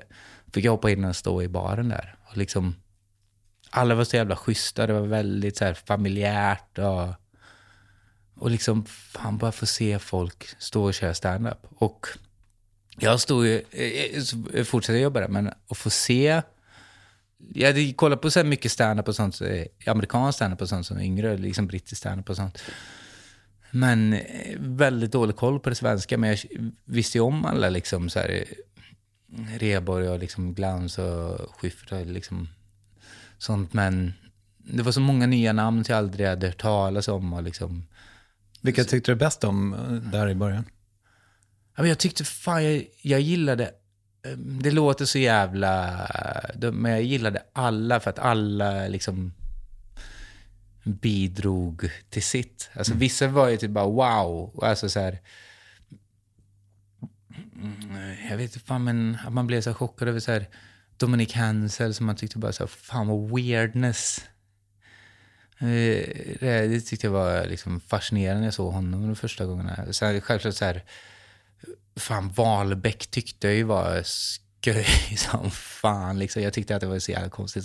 Så, så håller jag väl inte med allting vad Wahlbeck tycker privat. Men alltså, när jag såg honom på scenen tyckte jag att det var så här, fan det där är liksom flip deluxe. Han är väldigt skicklig. Ja, och det är liksom knasigt, det är svårt att räkna ut, det är oberäkneligt som fan. Men när jag stod där, alltså, för Petter Bristad var också ett bra kompis som hade jobbat liksom på brunnen och sånt och sen jobbade med stand-upen och sånt och körde där och sånt. Han sa ju det så här, du kommer tröttna efter en vecka och kolla på allting. Men typ så här, fan, jag vet inte, jag jobbade väl där så här fyra, tre, fyra år eller något sånt. Och du vet, varenda dag så stod jag liksom, jag stod och kollade på allting. Liksom, det var väl en bra skola i sig, men jag tyckte att allting var så jävla kul och liksom så här, jag var fascinerad över det där. Mm. Det var liksom eh, en lyx i det. Men, men var, eh, liksom var det så här, för vi började lite i det här med att du liksom eh, på något sätt har, har blivit komiker, men, men känd, alltså vill du upp där själv?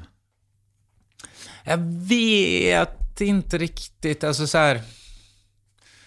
Jag höll har ju alltid hållit på och så här tramsat och sköjat och sånt. Och så här, jag stod i köket och tramsade.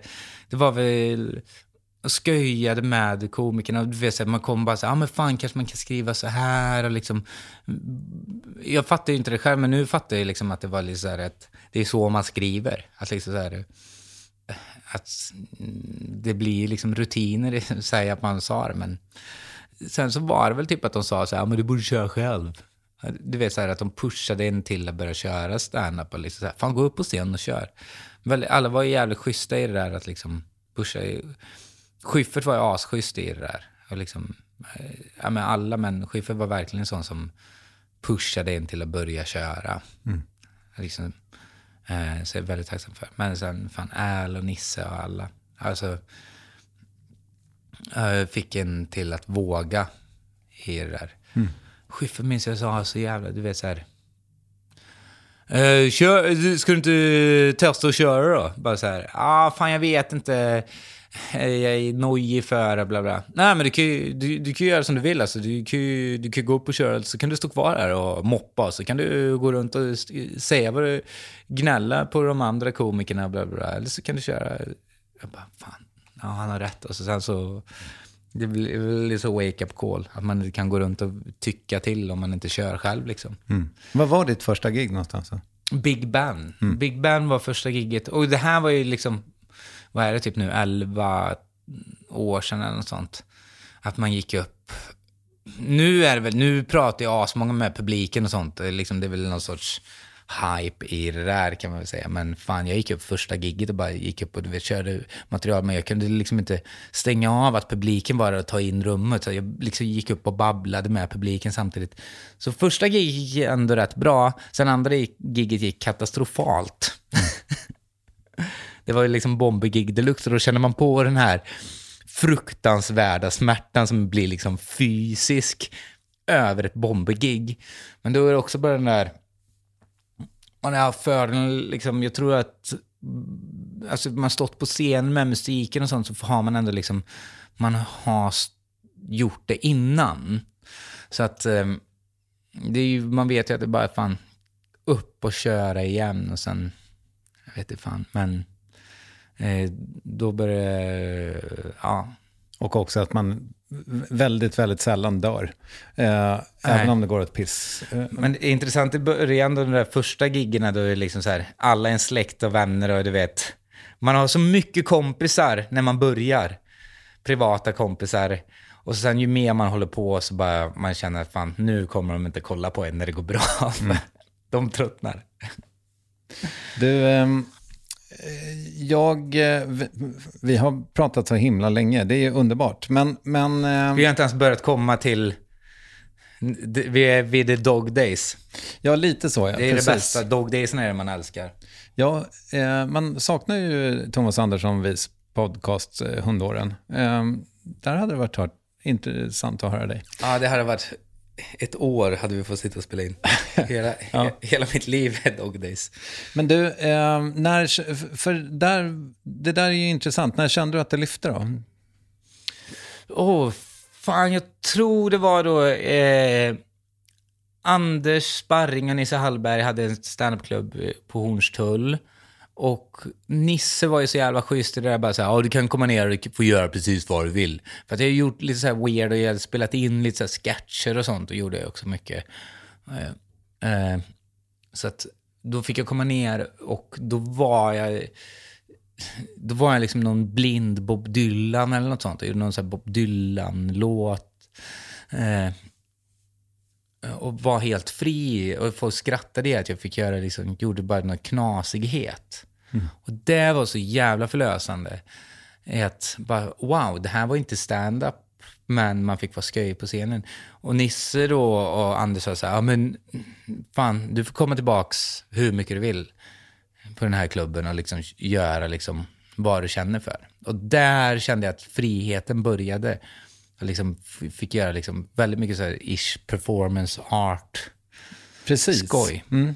Jag kommer ju aldrig glömma det där. Eh, Vi var på det här med din unicitet, unikitet, unicitet. Ehm, Och eh, jag kommer ju nog aldrig glömma det faktum när, att du liksom, istället för att köra stand-up åt sill bara. Eh, och det var ju fantastiskt. Ja, härligt. Ja. Så glad jag blir. Ja, men då, är, vad- då känns det ändå som att jag var en early adopter med dig. Ja, ja, verkligen, verkligen. Och speaking of which då, eh, det faktum att du har liksom tröskat på i typ 11 år med stand-up Ja. och liksom, ja, men, turnerat mycket och så vidare. Och så går du och liksom tar svenska folket med storm i just Bäst i test. Finns det en, ett mått av så här, men vad fan, kunde ni inte bara kommit på mina gig istället? Eh, Eller, förstår du vad jag menar? eh, nej, inte riktigt. Förklara igen. Nej, men jag bara tänker att Ja. du, du är liksom, just nu, du, du är ju väldigt älskad, tänker jag. Eh, Du upplever något slags hype. Men det känns inte, alltså det är snarare för Bäst i test än för dina liksom, gig som folk känner igen dig Ja, då, eh, ja, men det där är, det är liksom, jag är supertacksam i att få vara med i sånt där. Men också det där, det känns som att Mm. folk kommer att kolla på giggen nu och det, liksom, självklart så är det stor skillnad från liksom så här Bäst i test. Att liksom så här, för stand-up är väl kanske lite mer för eh, vuxna på ett helt annat sätt. Liksom, det är ju grövre liksom och liksom sånt. Men, nej, fan. Jag känner liksom så här, jag har kört så pass lång tid så jag är, liksom, jag är trygg i liksom, med det jag gör på scenen. Att det hade nog varit jobbigare om för jag var bäst i test och så liksom inte kört stand-up en så pass lång tid har jag gjort, eller vad man nu ska kalla det, om det är stand-up. Jag vågar knappt säga att det är stand-up för då blir det sådana som är stand-up. Det där är inte stand-up. Men... Purita, puritanerna blir så. Ja, Blir de det puritan. på riktigt? De var nog det i början. I början hade jag ju själv issues med det där att folk liksom hade sina fixa idéer i det. Fast sen, vad fan, gör jag gör det på mitt sätt och kallar det för stand-up så blir det väl stand-up. Vad fan, Lenny Bruce och sånt sjunger ju också sånt på scenen. Andy Kaufman. Ja, alltså liksom så här, fan Steve Martin och sen så är det liksom, sen så kommer liksom Jerry Seinfeld och säger att det är stand-up, sen så kommer Louis CK säga att det är stand-up, sen du vet, allting är en del av sin tid liksom. Det är som med konst, det är bara att ha en pensel så kan du liksom, vem bestämmer? Men hur som helst, eh, nej men det är nog skönt att liksom så här, Eh, det hade varit asjobbigt om folk visste vem man var men inte liksom hade någonting. Och då, jag förstår de människorna som behöver liksom kanske göra... Jag har en lyx till att kunna tacka nej till saker. För att liksom eh, stå på scen och stand-up är liksom... det är, om man nu ska, jag tycker att det är asjobbigt att kalla det ens för jobb, för jag tycker att det är liksom, jag har haft riktiga jobb och jag vet vad riktiga jobb innebär. Det här är något annat, men det har tagit kraft och tid och liksom uppoffring av fan släkt och vänner och liksom... Du har stått i källaren och skurit gurka, så att säga. Ja, det kan man lugnt säga. Men att få köra det här nu känns som en så jävla... Ja, jag är tacksam. Och att folk kommer och kollar och liksom, folk är schyssta och liksom förstår en. Det är nog liksom så här en jakt på en sorts förståelse också. Att det är så här, nu på, förut har det varit jävligt bara så här att det kanske varit weird och bara så här, fan han var lite konstig.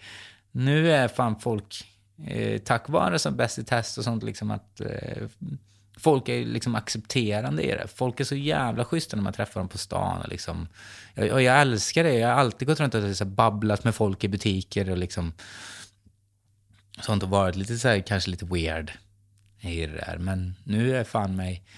Nu, nu vet ju folk lite vem man är, så att nu är det inte lika konstigt.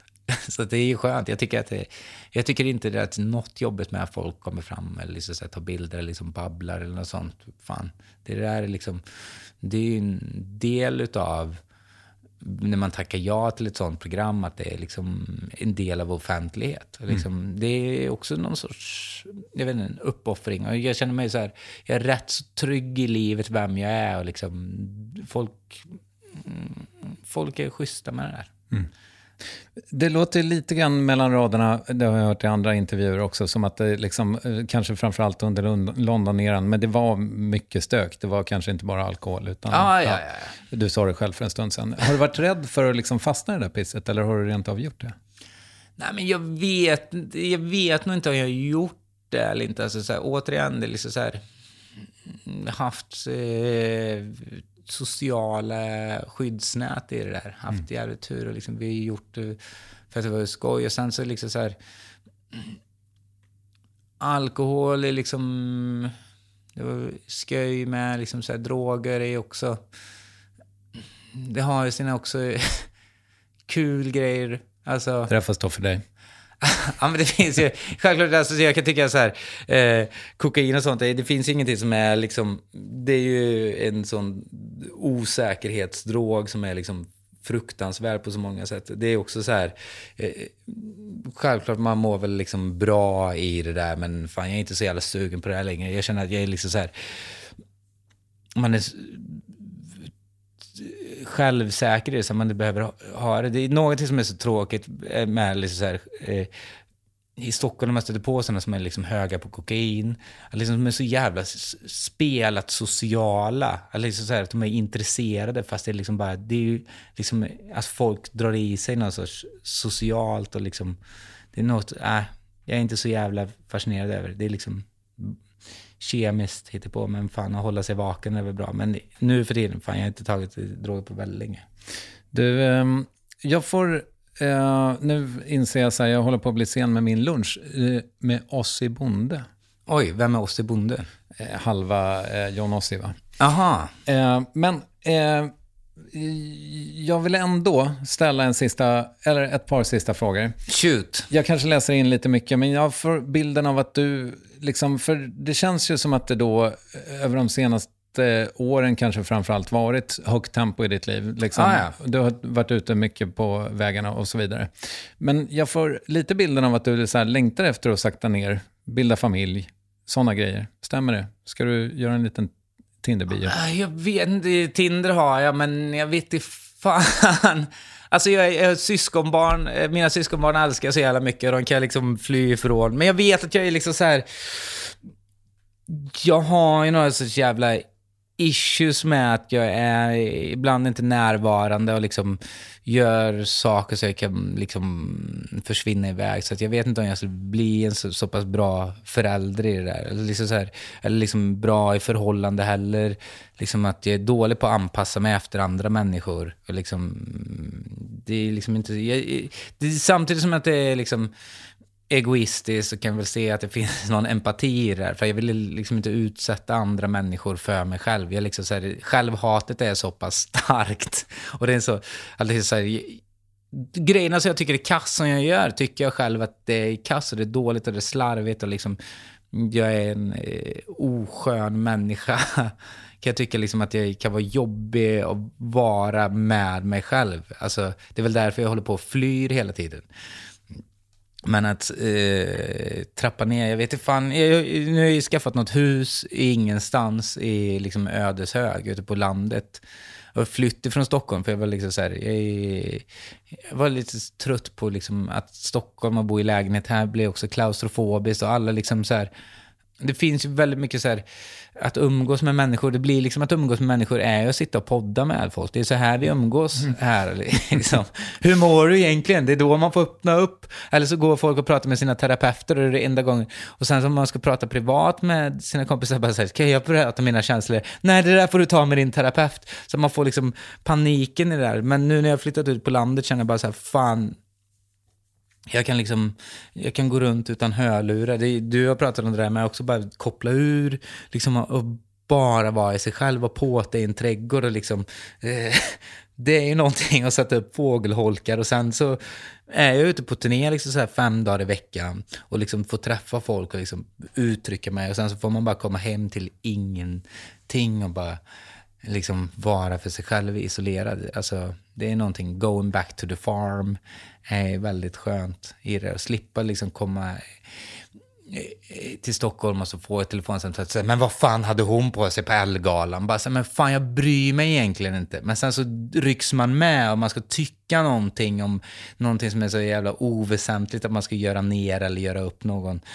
Så, men eh, jag vet inte fan, det är väl någon sorts sökande på att varva ner och bygga någon sorts jävla oas och bara eh, maniskt göra något crazy. Liksom, jag vet inte, det låter så jävla sjukt att bygga sitt egna universum.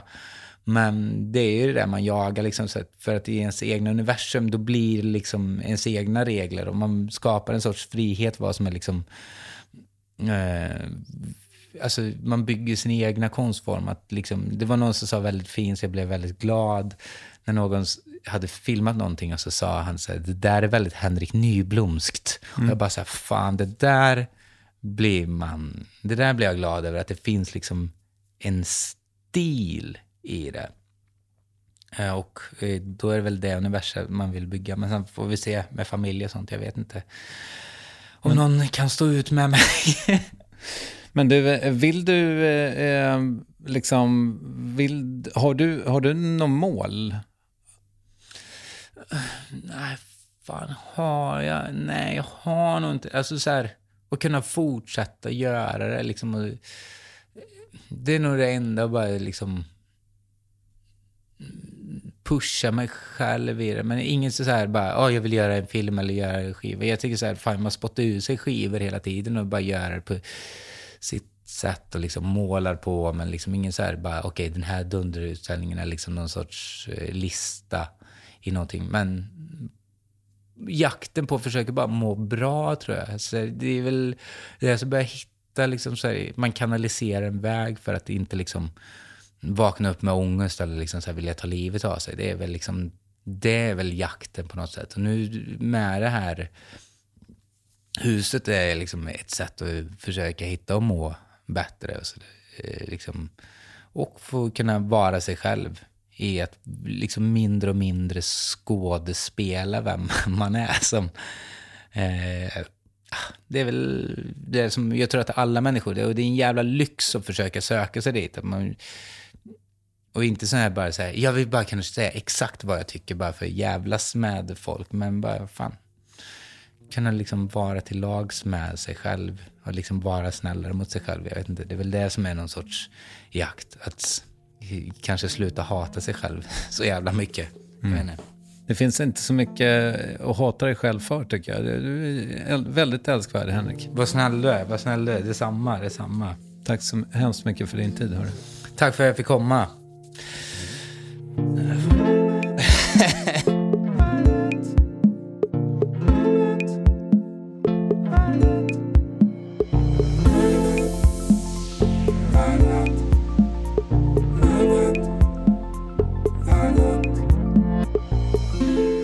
Efter intervjun sa Henrik Nyblom, ja vi hann ju knappt med de senaste tio åren. Så vill du som lyssnar att han ska komma tillbaka, ja men hör då av dig på Instagram till exempel. Svara där gör jag, Kristoffer Triumf, men värvet görs ju också av producent Ninni Westin och ges ut av Acast. Jag hoppas din sommar är fantastisk och vi hörs ju om mindre än en vecka för nu finns det sommarvikarier, missa inte dem.